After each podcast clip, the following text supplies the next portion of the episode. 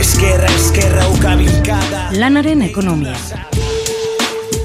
Kutsadura informatiboari aurre eginez, ekonomia gaiak jorratzen eta ulertarazten duen saioa. Bilbo iria irratia, hor dago eta argia, elkarlanean.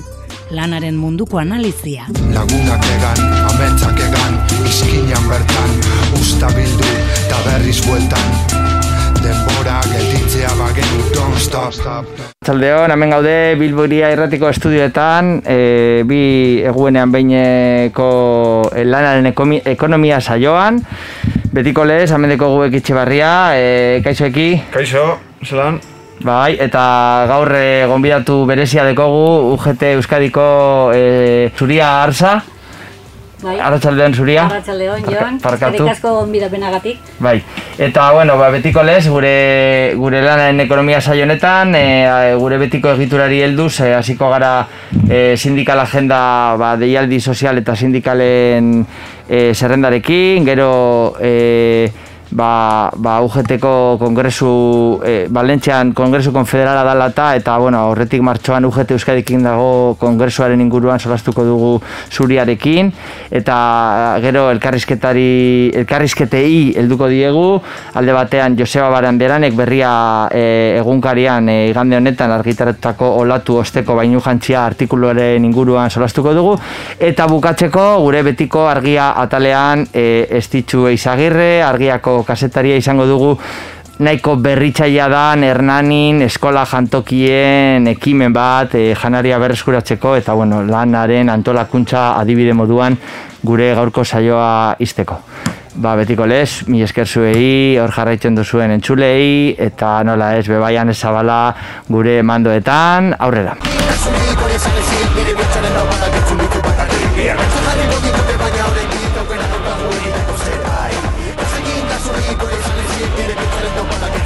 Opa, egunon, e, ba, bueno, e, urrengo egunetako sindikal agendarekin hasi baino lehen, gogoraraziko dut, badagoela aukera programara WhatsApp bidez grabazioak edo audioak bidaltzeko, e, urrengo telefonoa da, hartu boligrafoak, 6 lau lau, lau bederatzi bederatzi, bos bos lau. Errepikatuko dut, 6 lau lau, lau bederatzi bederatzi, bos bos lau.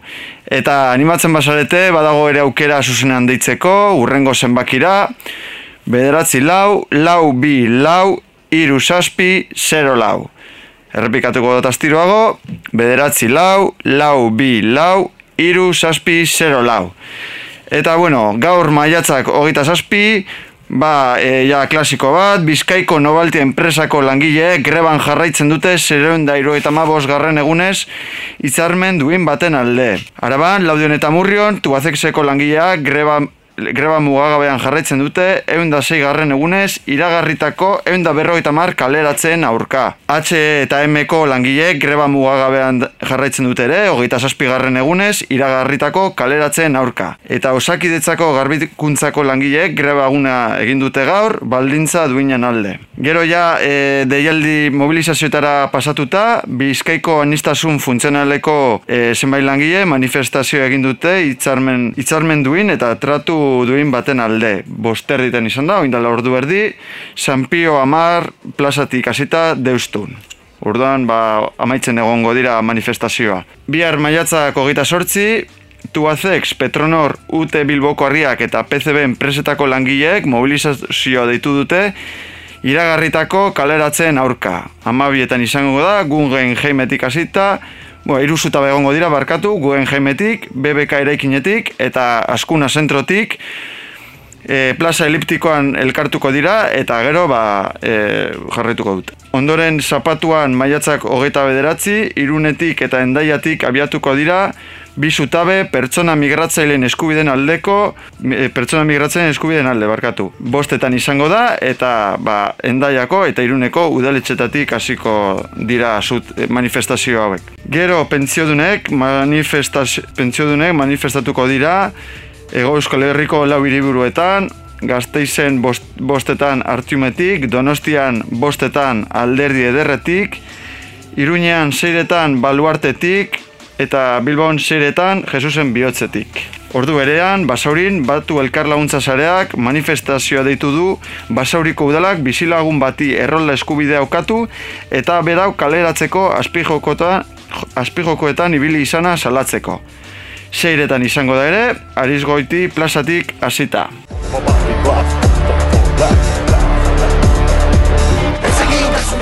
Ja, urrengo astean, astelenean, maiatzako hogeita maika, Bizkaiko autoeskoletan kontzentrazioak izango dira hitzarmen duinale baten alde. Sortzirak eta laurdenetan doina kasildan eta bederatziak laurden gut, gutxitan apabi aurrean.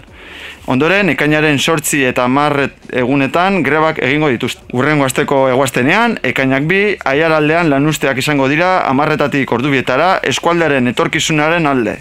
Gero manifestazioak izango dira, e, lan uste hoien testu baitan, laudion amaiketan, herriko plazatik, eta ondoren arrastiko zazpiretan, Juan de Urrutia plazatik. Bilbora voltatuta, Bilboko udal ambulantzien zerbitzuarekin ez amaitzeko eta zerbitzu publikoak indartzeko elkarretaratzeak egiten ari dira udaleko langile batzordeak deituta. Egoazten ero, goizeko bederatzetan, udaletxeko sarreran. Eta eguenean, ekainakiru, zerga sistema iroltzeko mobilizazioa ditu duelak, goizeko amarterretan, Bilboko plaza barrian.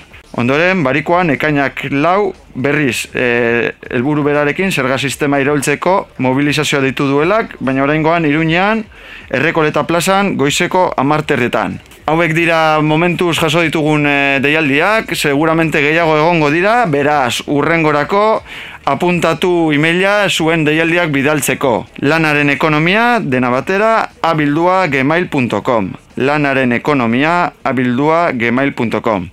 Eta, bueno, e, batu elkar laguntza zereak bere irolak, irola erratiak egindako e, kuña bat bideli dugu eta ba, orentxe jarriko dugu.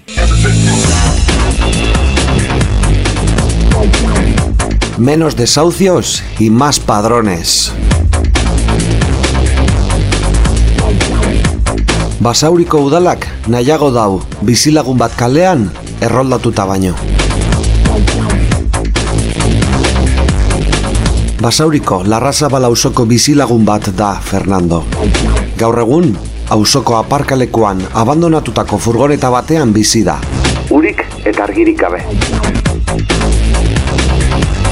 2000 eta hogeiko abenduan, Fernandok errolda eskatzeko eskubidea eta bete beharra burutu zuen basauriko udalean. 2000 eta hogeita bateko martxoan, errolda soziala izateko eskaera berriro aurkeztu zauen, batu elkarlaguntza sarearekin, eta basauriko Baskonia Larrazabalgo auzo elkartearekin batera. Orain arte, bi eskaretako batek ere ez du jaso basauriko udalaren erantzun formalik. Martxotik apirilera bitartean, hainbat bizita jaso zituen basauriko udaltzaingoaren partetik. Behin baino gehiagotan udaleko segurtasun zinegotziak lagunduta. Bizita hoietan, txantaia egiten saiatu ziren Bilbon erroldatzeko aukerarekin. Kasu horretan, udaltzengoa arduratuko litzateke furgoneta Bilbora eroateaz. Joan den igandean, apirilaren hogeian, jabearen salaketa jarrita zegoela sinetxarazi zioten udaltzengoak eta sigurtasun zinegotziak Fernandori. Eta, beraz, astelenean, apirilaren hogeita batean, furgoneta utzi beharko zuela. Astelen berean, udaltzengoak berriro jasarri zauen Fernando, ustezko salaketa horrekin, horren egiaztagiririk aurkeztu gabe. Arratsalde horretan bertan, furgonetatik, bere etxibizitzatik botako zutela ohartarazi zioten udaltzengoek. Arratsaldean jakinarazi zioten. Formalki eta idatziz lehenengo aldiz? Ikerketa bat ireki diotela, furgonetaren bidegabeko jabetzeagatik, ibilgailu ura urtebete baino gehiago abandonatuta egon eta gero. Gaur egun, ez dago salaketarik basauriko eta bilboko epaitegietan. Badakigu udaltzaingoa jabearekin harremanetan jartzen saiatu dela. Gure ustez salaketa jardezan.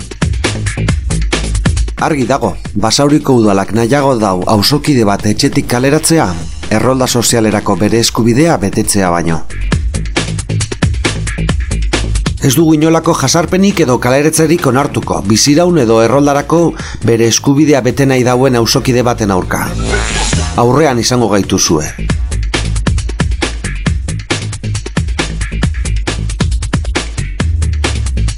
Basauriko Baskonia Larrazabalgo auzo elkartea eta Batu elkarlaguntza sarea. Bueno, batu elkarlaguntza zareak e, aurrera eramandako beste borroka bat, e, kasu honetan, e, bueno, ba, bizitza duinaren aldeko elkartasun konkretuaren adibidea dana. Bueno, e, e, sarreran esan dugu moduan, e, pasadan astean, e, UG, Unión General de Trabajadoreseko berrogeita irugarren kongresu konfederala burutu dabe, Valentzian, Gainera bar, martxoan UGT Euskadik bebai bere amairugarren kongresua egin zuen baita be eta horien inguruan eta bueno, bereziki saio honetan ba, interesatzen jaskun hogeita amabi lanorduaren aldeko borroka hori UGTek eh, duen proposamenari buruz aritzeko dugu hemen Zuria Arsa be, Bilbo iriako estudioetan e, Kaixo Zuria Kaixo, Ion. Bueno, hemen, hemen gaude, e, esker mile berriro ere Bilbo iria irratira etortxeagaitik. A ber, hasieratik hasteko, em, zelan joan da Balentxako ba, Kongresu Konfederala, eta, bueno, zeintzuk izan dira adostutako lerro nagusiak? Ba, beno, zuk esan duzu e, Unión General de Trabajadores eta titular bat dugu. E, orain da e, gure izena e, Unión General de Trabajadoras y Trabajadores. Ja e, hartu dugu erabaki hori, e, geratzen da UGT, T bat, baina ja gara e, trabajadores eta trabajadores, e, sindikatu feminista bat gara, eta horrezagatik ba, ba, erabaki hori hartu dugu. E, beno, em, e, Pepe Alvarez izan da gure gure idazkari nagusia.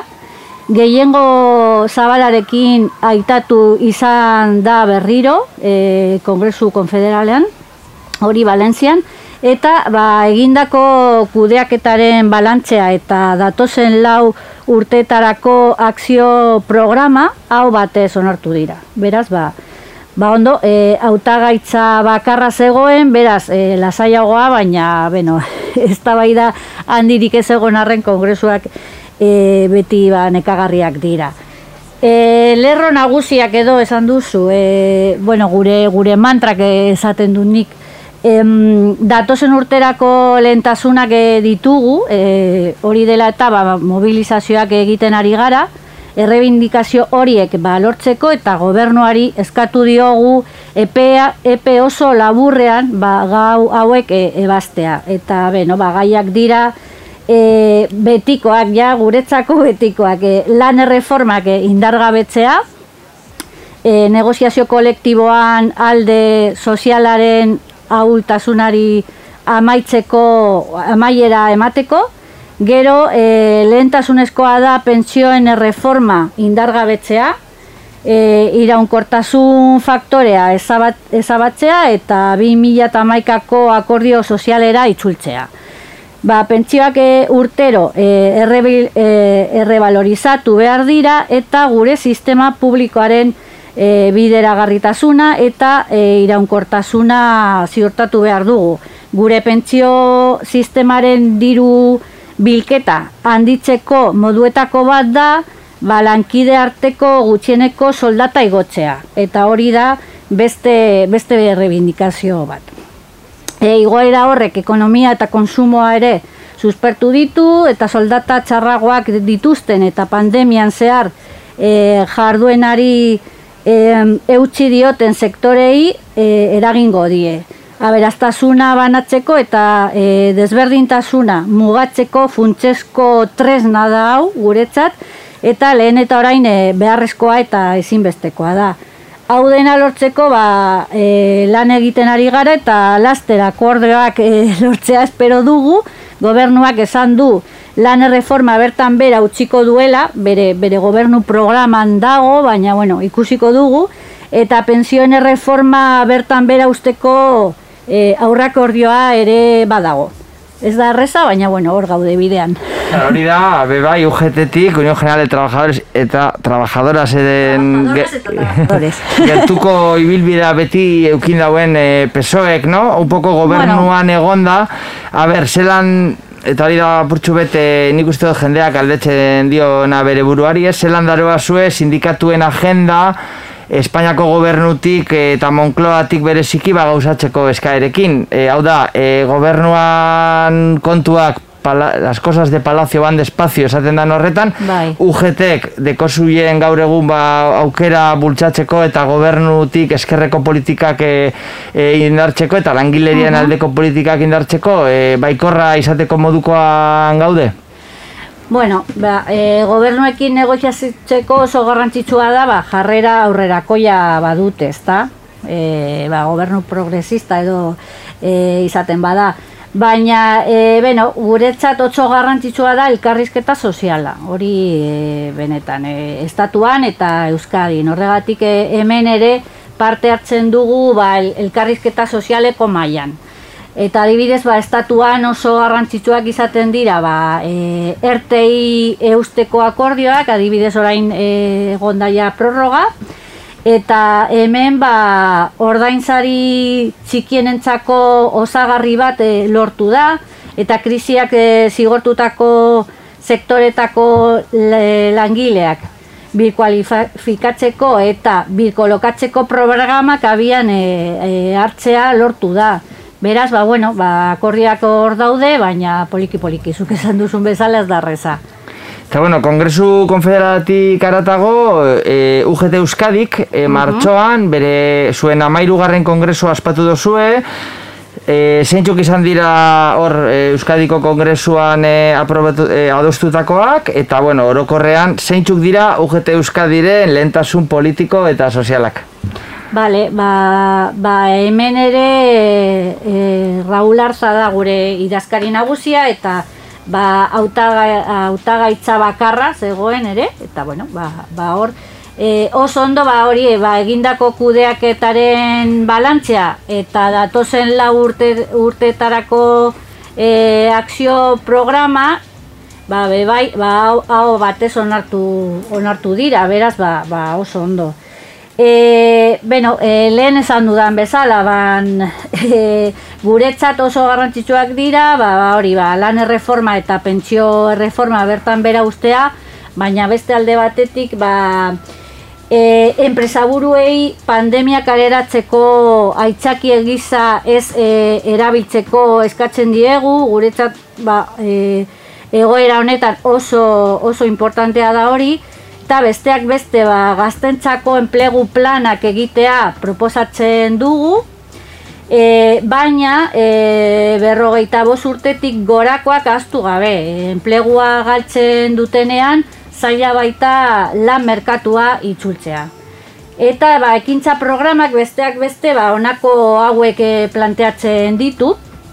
E, industriaren aldeko e, itun bat eskatzea, zerbitzuen sektorea modernizatzea, em, osasun eta hezkuntza publiko eta indartuen aldeko apostua, pobreziaren eta aberastasunaren e, banaketaren aurkako borroka, soldata arrakalarekin bukatu, bueno, lan handia eta gogorra, baina, baina bueno, ba, gure konpromisoa da e, diskriminazioaren kontra e, borrokatzea, eta ba, kontuan hartzea adibidez ba, LGTBI pertsonen eskubideak, feminismoa, inklusioa, e, berdintasuna, e, hauek dira e, neurri e, garrantzitsuenak ba, kalitatezko enplegua sortzea eta eskubideak berreskuratzea. Ba, hori lortzeko esan dudana dagoeneko eta e, hogeita amabi orduko lanastea esartzea ere bai e, interesgarria da guretzat. Claro, hori da zuria, e, sarreran esaten neutxuena, kasu honetan, e, nitxu uste dut, e, orain ez dakitekik e, bebai ezer esango edo planteatuko duen, baina saio honetan lanaren ekonomian, ba, lanaren e, lanastea gutxitzeko politikak edo lana banatzekoa, edo bueno, gutxitzeko lan egitearen horretan, eta bueno, ba, UGTek e, zentsu honean, ba, nahiko erradikala da arlo honetan, ez? E, astean e, beste batzuk e, hogeita ma, boste hogeita ma orduko lanastea aldarrikatzen duten bitartean, zuek esaten duzue, hori da, laro hogeita margarren amarkadako aldarrikapen bat, eta orain egokitu behar dela hogeita mabi lan ordura langile publiko zein pribatue guztiek. Eta bueno, helburu estrategiko hori planteatu dozu egon dela urte batzuk. Baina e, Valentzian egindako Kongresu Konfederal honetan gauzatu da edo zehaztu da gehiago e, e, aldarrikapen hau. E, hogeita mabi lan orduko astearena orduan. Zein izan da eta hori apurtxu bet niri kuriosidadea sortzen diana Hor Valentzian e, Espainia osotik etorritako delegatuen harrera zelakoa izan da, zehazten da UGTek e, ba, hogeita mabilan orduko astearen aldeko borroka bat e, emotera doala, eta bueno, ba, zelan hartu da eta zelan non hartu da hori kongresuan. Bai, ba, bueno, Jone, e, aspalditik e, gure aldarrikapenetako bat da lan denbora murriztea. Eta ba, hildo horretan e, lanaldi astean ba, hogeita mabi ordura murriztea oso e, onuragarria izango litzateke enpresentzat eta langilentzat. Baita herrialdeko ekonomiarentzat ere, ba, lang, langabizia murrizten, konziliazioa errazten, e, produktibitatea handitzen eta gure herrialdeko biztan lehen bizi kalitatea bultzatzen laguntzen baitu beraz ba, oso oso importantea da. E, baina zaila egiteko. E, ba, adibidez, ba, sektore batzuetan errezago izango da, ba, lau eguneko astea esartzea, beste batzuetan ba, egokiagoa izango da egunero lanaldia murrizketa, baina, beno, ba, nola nahi ere e, negoziazio kolektiboak erabaki beharko du sektore bakoitzaren errealitatea eta formula egokiena zein den. Eta hemen, ba, hori, e, negoziazio kolektiboan, betidanik importanteak izan dira lanaldia eta soldata. Beraz, e, datorren urteotan, gure agendan egongo da gai hau eta e, delegatuek e, hor daude, ba, hori, negoziazio kolektiboan sartzeko gai hau. Claro, osea, kriston e, potentzialtasuna duen e, aldarrik, aldarrikapen bat da, ez? Betidanik egondana e, langile mugimendu, baina azken urteetan apur bat estankatu den agian orduan oso garrantzitsua, baina zein da adibidez patronalaren e, jarrera honen inguruan, e, bal, horretarako e, rigidoak edo... Bai, bai. E, ja, bueno, dak, dakizuenez, e, e, gutxiago lan egiteko eta soldata berbera ba, patronalak esaten du ba, ba ez ez, noski. Baina, bueno, e, e, jon esan du, jonek esan du lehen, ba, ba, estudio batzu, batzuk e, daudela, ba, esateko e, patronalari ba, ondo legoke hori egiteko, ez, ez e, bakarrik e, langilentzat, baina e, enpresentzat e, ere bai. Osa, batean, eh, aiei komen izaiela batean. Bai, bai, bai. bai gure, gure ustez, bai, baina oso zaila da, ba, ba hori ikustea patronala, patronala arentzat.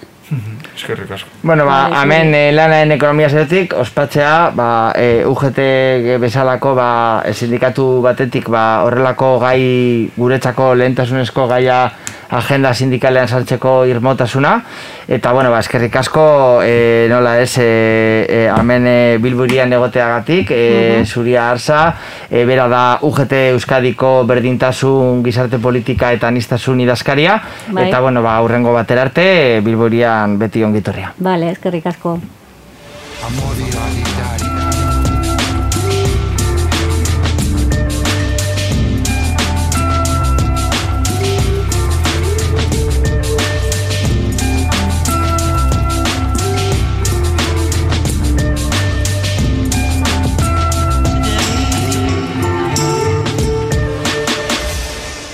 Bueno, ba, UGT Euskadiko zuria arsagaz e, egon eta gero, gaur gure lanaren ekonomia saioko egitura apurtxo bet eraldatu dugu eta aurreratu dugu gure argia atala e, betiko lez, e, argia kasetarien aldeko aldetik egindako kolaborazioa dugu gaur estitxu eizagirre dugu bilboiriako mikroetan. Arratxaldeon estitxu? Arratxaldeon denoi. Bueno, e, e, bet, astero lez, e, jarraitzen dugu argia eta bilatzen dugu aber gure saioko gaiekin bat datorren e, ba, zuet, zuek egindako artikuloren bat e, eta kasu honetan bo, nahiko, iruz palau egon dira interesanteak gure tematikekin lotuta baina erabaki dugu e, ba, zurekin e, aritzea eskolan jaten ez dana zelan e, e, berrera bili edo etxera eramateko aukera hori. Nik uste dut aspaldin askoren imaginarioan egonda, zela zautzen da jatekoa, bai jatetxeetan, bai eskoletan, eta kasu honetan hernanitik dator, e, ba, esperientzia zehatz bat, e, horrelako ba, soberan geratzen diren e, jatekoen e, berrera bilpenerako, e, zela, zela egiten dute hernanin ez ditzu? Bai, oso ondo, ba, e, bueno, hernaniko udaletxea, bueno, e, zero zabor filosofian lan handi egiten ari urte askotan, uste dut, igual entzule askok e, ezagun egin zaiela, er, ernanin atezatekoa jarri zuten lehenengotakoa izan zela, eta beti mantendu da borroka hortan fuerte, ba, bueno, erraustegia jarri dutena, e, donostian jarri dutena, ba, hernanetik ere gertu dagolako, eta orduan hasieratik nahi zutelako pixka bat alternatibak sakondu, ba, ez behar izateko, e, etxetan er, e, sobratzen zaigun janari guztia, dena erretzea, bai? Eta horren alternatiba bezala, ba, hori, e, zero zabor e, eta atezateko bilketa asfalditik egin dauka. Eta horren barruan, e, landu duten ekimena da hau, eta esan duzun bezala, zenbat janari botatzen zen zaborretara eskolako jantokietan, ezta? Artikulu hau egin bitartean jakin dut nik, ez dakit entzulentzat ezaguna den edo ez, e, berez, e, katering enpresetan langileek daukaten protokoloa dela, hau da, enpresatik jasotzen duten agindua dela, sobratzen den janaria ezin dutela banatu. Hori oso gogorra egiten zain eri, ezin dute ez, ez langilek etxera eraman tutorretan, ez ikasleen artean banatu, ez irakaslei eta horrela. Ez dakit atzean ze arrazoi edo argudio emango dituzten, behar bada osasun irizpideak, nik ez dakit argudio, baina nik uste dut erritarren begietara, ba, xauketarena eta diru publikoa horrela altzare galtzea, eta gehiago ba, etxe askotan gozea pasatzen den gara hauetan, ba, oso gauza larria dela. Eta, bueno, hernanik udalak egin duena izan du da, e, ba, jarri behar izan du harremanetan kate osoarekin, bai? Ba, lehenengo ikastetxeekin, ea adoz dauden, ba, nolabait ardura hartzeko beraiek, ba, egunero sobratzen zen janaria, ba, azkenean banatzeko egin barreko lantxoak egiteko, eta ikastetxe bi behintzat oso prestagartu dira, baita ere jangeletako langileekin, ezta? E, normalean e, enpresazpi kontratatuetako langileak dira, eta hauek ere oso guztera hartu dute proiektua, eta baita ere hitz egin dute, e, bueno, osasun arlotik eta hori dena jarrolaritzako arduradunekin eta osakidetzako arduradunekin, ba, proiektuak betetzen zituela berme eta baldintza guztiak, ba, e, ba, janari hori hartzen degunean jateko moduko egongo dela beti, bai? Eta bestetik, e, ba, Katerin enpresekin bereiekin ere bai. Eta, bueno, ba, denekin iritsi dira e, adostasunera edo, bueno, esan dezakegu ere oso zaila dela olako proiektu bati ez ezkoa esatea ere, ez?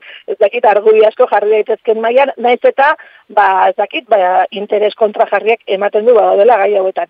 Eta arduan, nola egiten duten, ba, hasi ziren maiatzaren lauan lehenengo aldiz, jarri dute, e, janaria saltzen duten makina bendin esaten da, ez? E, janaria eta daria e, erosteko makinaietakoak txampona sartu eta tekeatzen duzuna zenbakia, ez da? Horrelakoa jarri dituzte, baina erabat doan da, 0 euro. Eta beraz, e, olako makinetan, joan, eta zut ikusten duzu, e, dagola, enpaketatutako janaria, eta sakatzen duzu, ba, nahi dezun zenbakia, eta ez duzu txamponi sartu behar, doan da. Orduan, hauen filosofia delako, ba, hori ez da inendik inera negozio egitea, eta nahi zuten herritar denentzat izatea. Eta prezio bat jartzen da zaio, ez eta oso txikia izan, ba, beti egongo da norbait en, erosi ezin duena, ez da? Eta bereiek azaltzen ziguten, helburua ez, ez dela inendik inera karidadea edo estigmak sortzea askotan, ba, bai, oso boronate honarekin, baina sortzen duguna da estigma eta badirudi ba, horra doa zenek ba, e, bihurtzen diala oso agerian jartzen direla, berai beharra daukatela eta beste herritarrek ez eta horrelako gauza. Ordu nahi zuten bat izatea denentzat, eta denentzat irekia jartzen denean 0 euroan, ba, hori, herritar guztiek daukate zarbidea, ez dago sinalizaziorik, eta emaitza da oso herritar mota desberdinek hartzen dutela janaria eta oso azkar bukatzen dela. Goizetan, goizeko bederatzea terdietan e, ikasleek ba, eramaten dute janari sobrak enpaketatuta, betetzen dute makina hori, eta pare bat ordutan dena bukatzen da. Mhm. Bueno, protokolo nahiko artikuluan e, argian e, aste honetan argitaratako artikuluan asaltzen dozu moduan estitzu e, nahiko elkarkidetza baten ondorioa da e, batxutan e, bueno ez dakit modan e, bai hemen PNV eta Espainian PPek publiko pribatuaren aurrean edo bere beste er, eredu baten aldeko ba, errigintzak edo sektore berdinetan arteko elkarlantza elkarlan horizontalaren ondorioa da ez bai erakundeetatik aldundiak udalak eskola berak Catering enpresak, herritarrak, hau da, e, hau abian jarri zenetik bebai Valentziatik hartu da eredua hori dinosu benbi makinak erabiltzeko, protokolo zehatz badago higienizatzeko jatekoa, e, e, temperaturak, protokoloak, e, osasun berme guztiak egoteko, eta bueno, orain urtea ikasturtea bukatu da, eta zelan joan da, porque azkenean hernaniko bi eskoletan e, egindako ekimen hau, e, valorazioa egiteko momentua llegatu da. Bai, hori da. En, jarri zuten proba pilotua bi ikastetxetan, baina herriko ikastetxe guztiek egin zuten bilera eta dere eman zitzaien aukera. Eta lehenengo animatu zian bi ikastetxetan, bada aratz eta langile ikastola, ba, horietan jarri zen martxan, eta segarren mailako ikasleak bidala helduenak, ez da, arduratzen dira, ba, egunean bertan sobratu den janaria, e, sartzen, zuk esan duzun bezala protokolo guztiak eta betez, ba, olako e, Ozutze mak makina izan aduna e, jarri dute ikastetxe bakoitzean. Eta makina hori gakoa izan omen da, ba, bai lortzeko instituzioetan zergatik. Hori omen da, makina hori oso ona omen da, eta gaitasuna dauka oso denbora gutxian, ba, e, temperatura ozteko erabat, ez? Eta horrek eragiten du, ba, bueno, janaria gelditzen dela e, ez txartzeko moduan, bai? Eta, bueno, bain hori egiten dutenean, ba, e, erabat berrera bilgarriak diren, edo kompostagarriak diren e, ontzietan sartzen dituzte, kanpotek ikustean batetu plastikoz kontziak direla, baina ez dira benetan e, kompostagarriak, hor sartzen dituzte, etiketa jartzen diete, eta urrengo goizean, prozesua horrek urdu batzu berritulako, urrengo goizean hartzen dituzte horiek denek, eta eramaten dituzte, e, ozkailura. Eta, bueno, udalak emandako datuen arabera, ba, ikastetxe bakoitzean, e, sortzi mila bosten euroko inbertsio egin du makina guzti horiek eta e, egon daitezen, eta beraien asmoa da, ba, hau dena ondo joaten baldin bada, ba, urrengo kursorako beste ikastetxeak animatzea. Ze, bueno, batetik da, udala prest dagoela hau zabaltzeko eta behar den dirua jartzeko azpigitu daldetik, baina bestetik esan deguna, eskatzen du e, eskolak e, parte izatea eta ikaslean implikazioa, beraz, e, eskolek ikusi behar hau ere ez italia dela, ez? Eta, e, bueno, nik bai usten dut e, parte hartzen duten eskolek hola baloratu dutela, bazkenean kontzientziatzeko, ardura hartzeko ikaslek ere, hitz egiteko elikadurari buruz, buru buruz, mila gauzei buruz, ematen duela en, aukera, eta, bueno, hau dena ondo baldin badikoa, ba, e, e, zabalduko litzateke. Eta, udalak esan duena izan da, ba, martxan jarri dutenean esperientzia pilotu hau, ba, erretarrek jakin dutenean esperientzia honen berri, tabernak beraiek jo dutela udalaren gana esanez, beraiek ere arduratuta daudela, ba, askotan zenbat janari bota edarezaten duten, ez da? Pintxoak edo otorduak edo dena delakoa. Eta eskatu dietela, aber, ba, e, pentsatu aldaiteken zerbait, tabernetan ete sobratzen da janariarekin. Eta udalak esaten zigun horrari zela mila vuelta ematen buruari, ze hor, ba, berdin, e, osasun berme guztiak ziurtatu behar dira, eta beraz nola egin e, kate osoa edo prozesu osoa ba, oso ondo bermatzeko e, jatetxe eta tabernetan sobratzen diren elikagaiak makinetara iristen direla eta bermatzen dela baiet jateko modukoak egongo direla ba handik ordu batzuetara ere. Hortan ari dira. E, jakin, bueno, e, zure artikulan aipatzen dozu hau ez dela bebai ez da esepsino bat, e, galdakaon voluntarioen gizarte elkartearen gana, oskaiu solidarioak daudela hainbeste lekuetan, lasarten, donostian, gazteizen, galdakaon beran, plentxin, orduan, e, amaieran, zure aurreko erantzuen amaieran aipatzen dozu bebai, bai hernanin, ba, hau zabaltzeko, eta boi, pizka bat orokortzeko, baita beste eskola eta ikastoletara, eta baita, eta nola ez, ez, e, jatetxeetan, ez, herriko ostatuetan, zenbat jatekoa, pintxoak eta jateko platerrak eta ba, azkenean e, egunean e, egun batetik bestera ezin direnak gorde, ba, zelako e, antolakuntza politiko-soziala behar deu, ba, hori, jateko e, elikagai buru jabetasunaren alde, horrelako ekimenak, eta kaso honetan, e, e, ez dakit hernanin salto hau egiteko pres badaude, edo zelan dau asuntoa? Mhm. Bueno, guk eh, justo reportaje idatzi genuenean, ba, zen eh, martxan jarri zen azte hortan, ez da, orduan bereiek bereien buruari eman diote, ba, ikasturte bukatu arte bilabete bakarrik zeuzkaten, eta bilabeteetako proba bezala. Badirudi, bai, ez, badirudi gustora daudela, esaten dizudanagatik, ba, janaria e, oso ordu gutxitan bukatzen dalako, eta beraz ikusten dala, ba, e, azkenean herritarrek erantzun behar dute, ez, horrelako makina bat jarri, baina herritarrek ez badute jaten, ba, e, berdin berdin galduko da, ez, hainbeste lan hartuta gero, orduan ez duke funtzionatuko, eta ematen du, bai, ez, ematen du, e, bere bukatzen dela janaria, horregatik, ba, bueno, esperotzekoa da, e, haundituko dutela, proiektua urrengo urtean. Eta pixkat beste herriekin e, hori da, idea bestetatik hartu da, usten dut saiatu direla ulertzen bakoitzaren logika eta egokitzen erdaniko kasura, zerbaitetan desberdina baldin bada izenean ikusten da, ez? Besteak dira solidario hitz hori daukake, askotan dago lotuta behar gehien dutenei banatzearekin, eta hemen berriz zero zabor da filosofia, da alperrik ez galtzea esauketa, eta dene irekita uzten da, jakinda irekitzeko moduan e, sarbide dutela behar gehiena dutenek ere, baina denak e, multzo berdinaren barruko bezala egiten ditu ez ez e, bereizteko batzuk eta besteak eta ez pixkat estigmatizatzeko edo jendeak ez ezan begiratu ean hor joan makina horretara.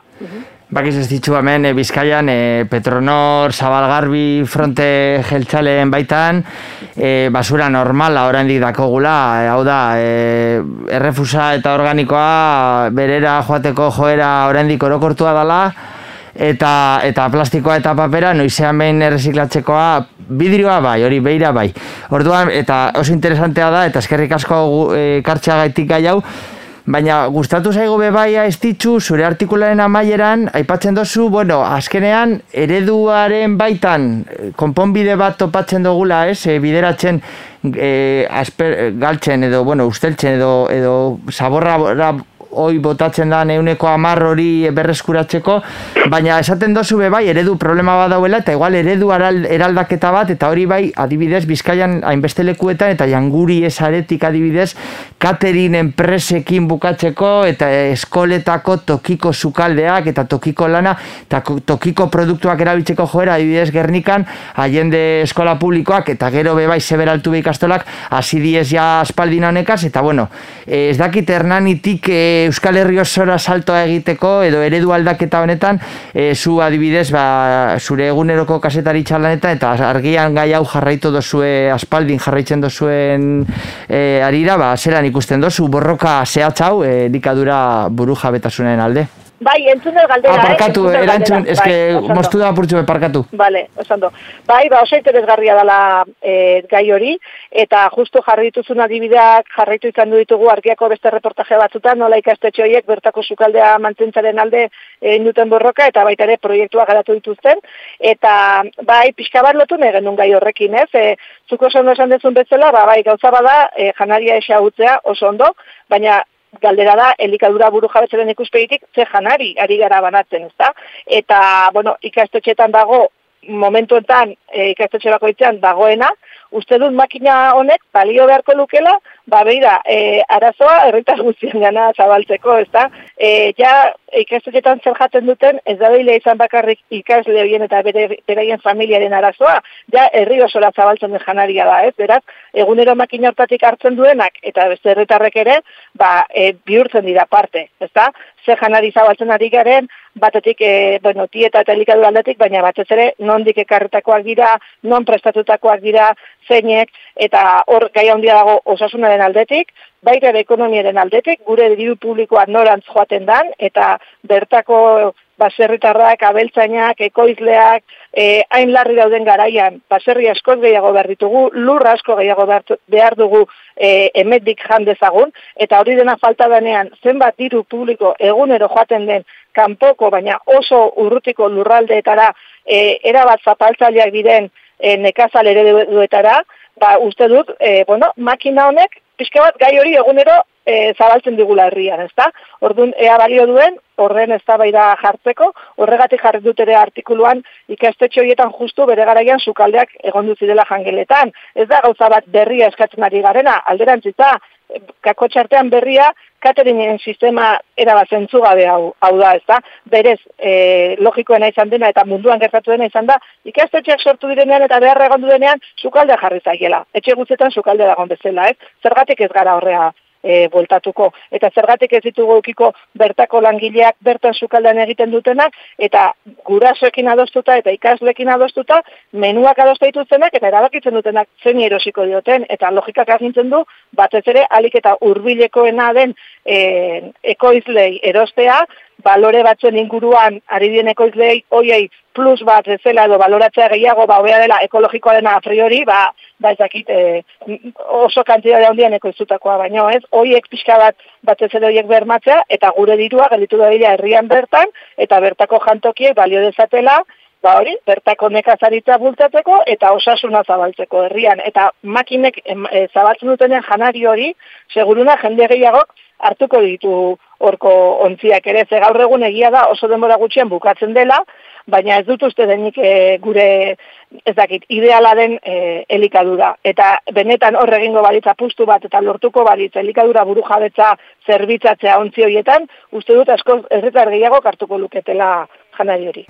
Ez ditzu izagirre, argiako kasetaria, e, argiako 2000 zazpireun hogeita malaugarren zenbaki honetan argitaratutako eskolan jan ez dutena dara mala edo norketxera artikuluaren inguruan, eskerrik asko hor euskal zentsu komuna lantzen eta elikatzen astero jarraitzagaitik eta horrengor arte. Eskerrik asko zuei, tarte honegatik, ondo izan.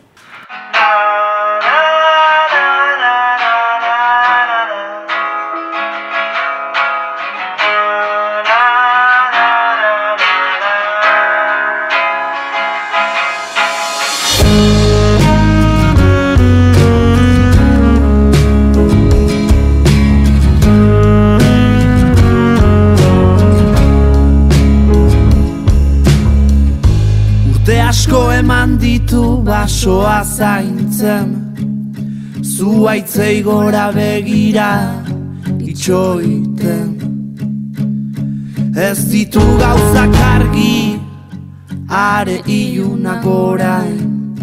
Orain ere hori posible bada. Ampatuak ditu zainak odolez, dolorez Oinak lurrean dituenak duen ziurtasunaren adorez. Eta gora egiten du Alduen guztietan Baina ez du Ez ikusten. Empatia basoa mozten asira Eta zurekin amestu gizonak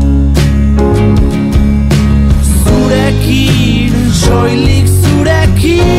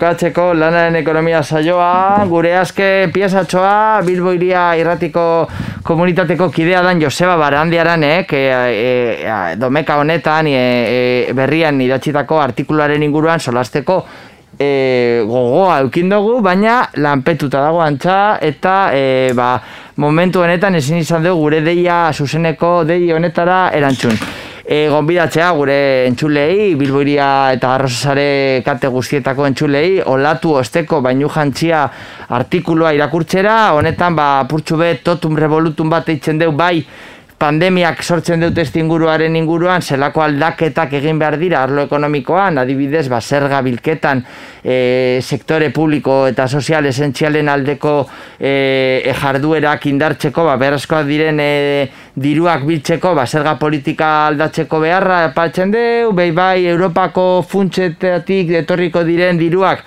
zelako kudeak eta ukingo dauen Nafarroako gobernutik eta Euskal Autonomia Erkideko gobernutik, eta bueno, apurtxu bet, ba, bai bai eraldaketa ekologikoa, digitalizazioa, sektore publiko esentzialen indartzea, zelako politikaren beharra azpimarratzen du Josebak, e, Joseba Baranberan ekonomilariak berrian argitaretako artikuluan, e, apunto, punto aparte bat itzen dugu, eskuntza sektorean beharrezkoak diren, ba, ze importantea da gizarte baten etorkizunerako, ba, eskuntza publiko eta berdintasunaren aldeko eskola baten e, inbertsioak egitea, kasu honetan Euskal Herrian euskola segregatua dugun honetan eta baita e, bai lan harremanetan eta baita demografikoki edo bueno, ez dakit politika soziala eta politi eta familia anitzen aldeko politika publikoen beharra azpimarratzen du ditu Josebak bere artikuluan pena bat e, zin izatea gaurre bilburia mikroetan izateko baina nola ez beste batean eta izango dugu gurean eta bueno ba horrekin eta aurreko osagaiekin batera, baita eketxabarriak egindako sindikal agenda batu elkar laguntza basaurin e, dekon gatazkan inguruko audioa, e, UGTko e, zuria arza e, berdintasun eta politika zeleko idazkariak e, e, kontatu diguna UGTko kongresuen inguruan eta bukatzeko gure asteroko argia atalean ba, estitzu izagirrek baselan eskola jantokietan ekonomia e, buru jabetza eta eta elikadura buru jabetzaren aldeko zelako ekimen bat garatzen ari dute Hernanin eta beste lekuetan baita ere, ba horekien dana, ba gure asteroko, bueno, gu bi astean beineko lanaen ekonomian a 71 garren saio honetan eta nola ez bebai, ba betiko les eskerrik askoan ezabala mandoetan egoteagaitik eta Bilbo iria eta e, Gabelarestik afean txoki eta barreko komunitateko e, egile eta, eta, eta parte hartzaile guztiei ba, hor jarraitza egaitik. Venga, eskerrik asko eta horrengo arte. Eskerra, eskerra, ukabilkada. Lanaren ekonomia. Kutsadura informatiboari aurre eginez, ekonomia gaiak jorratzen eta ulertarazten duen saioa. Bilbo iria irratia, hor dago eta argia, elkarlanean. Lanaren munduko analizia. Lagunak egan, ametsak egan, izkinan bertan, usta bildu, eta berriz bueltan. Denbora gelditzea bagenu, don't stop.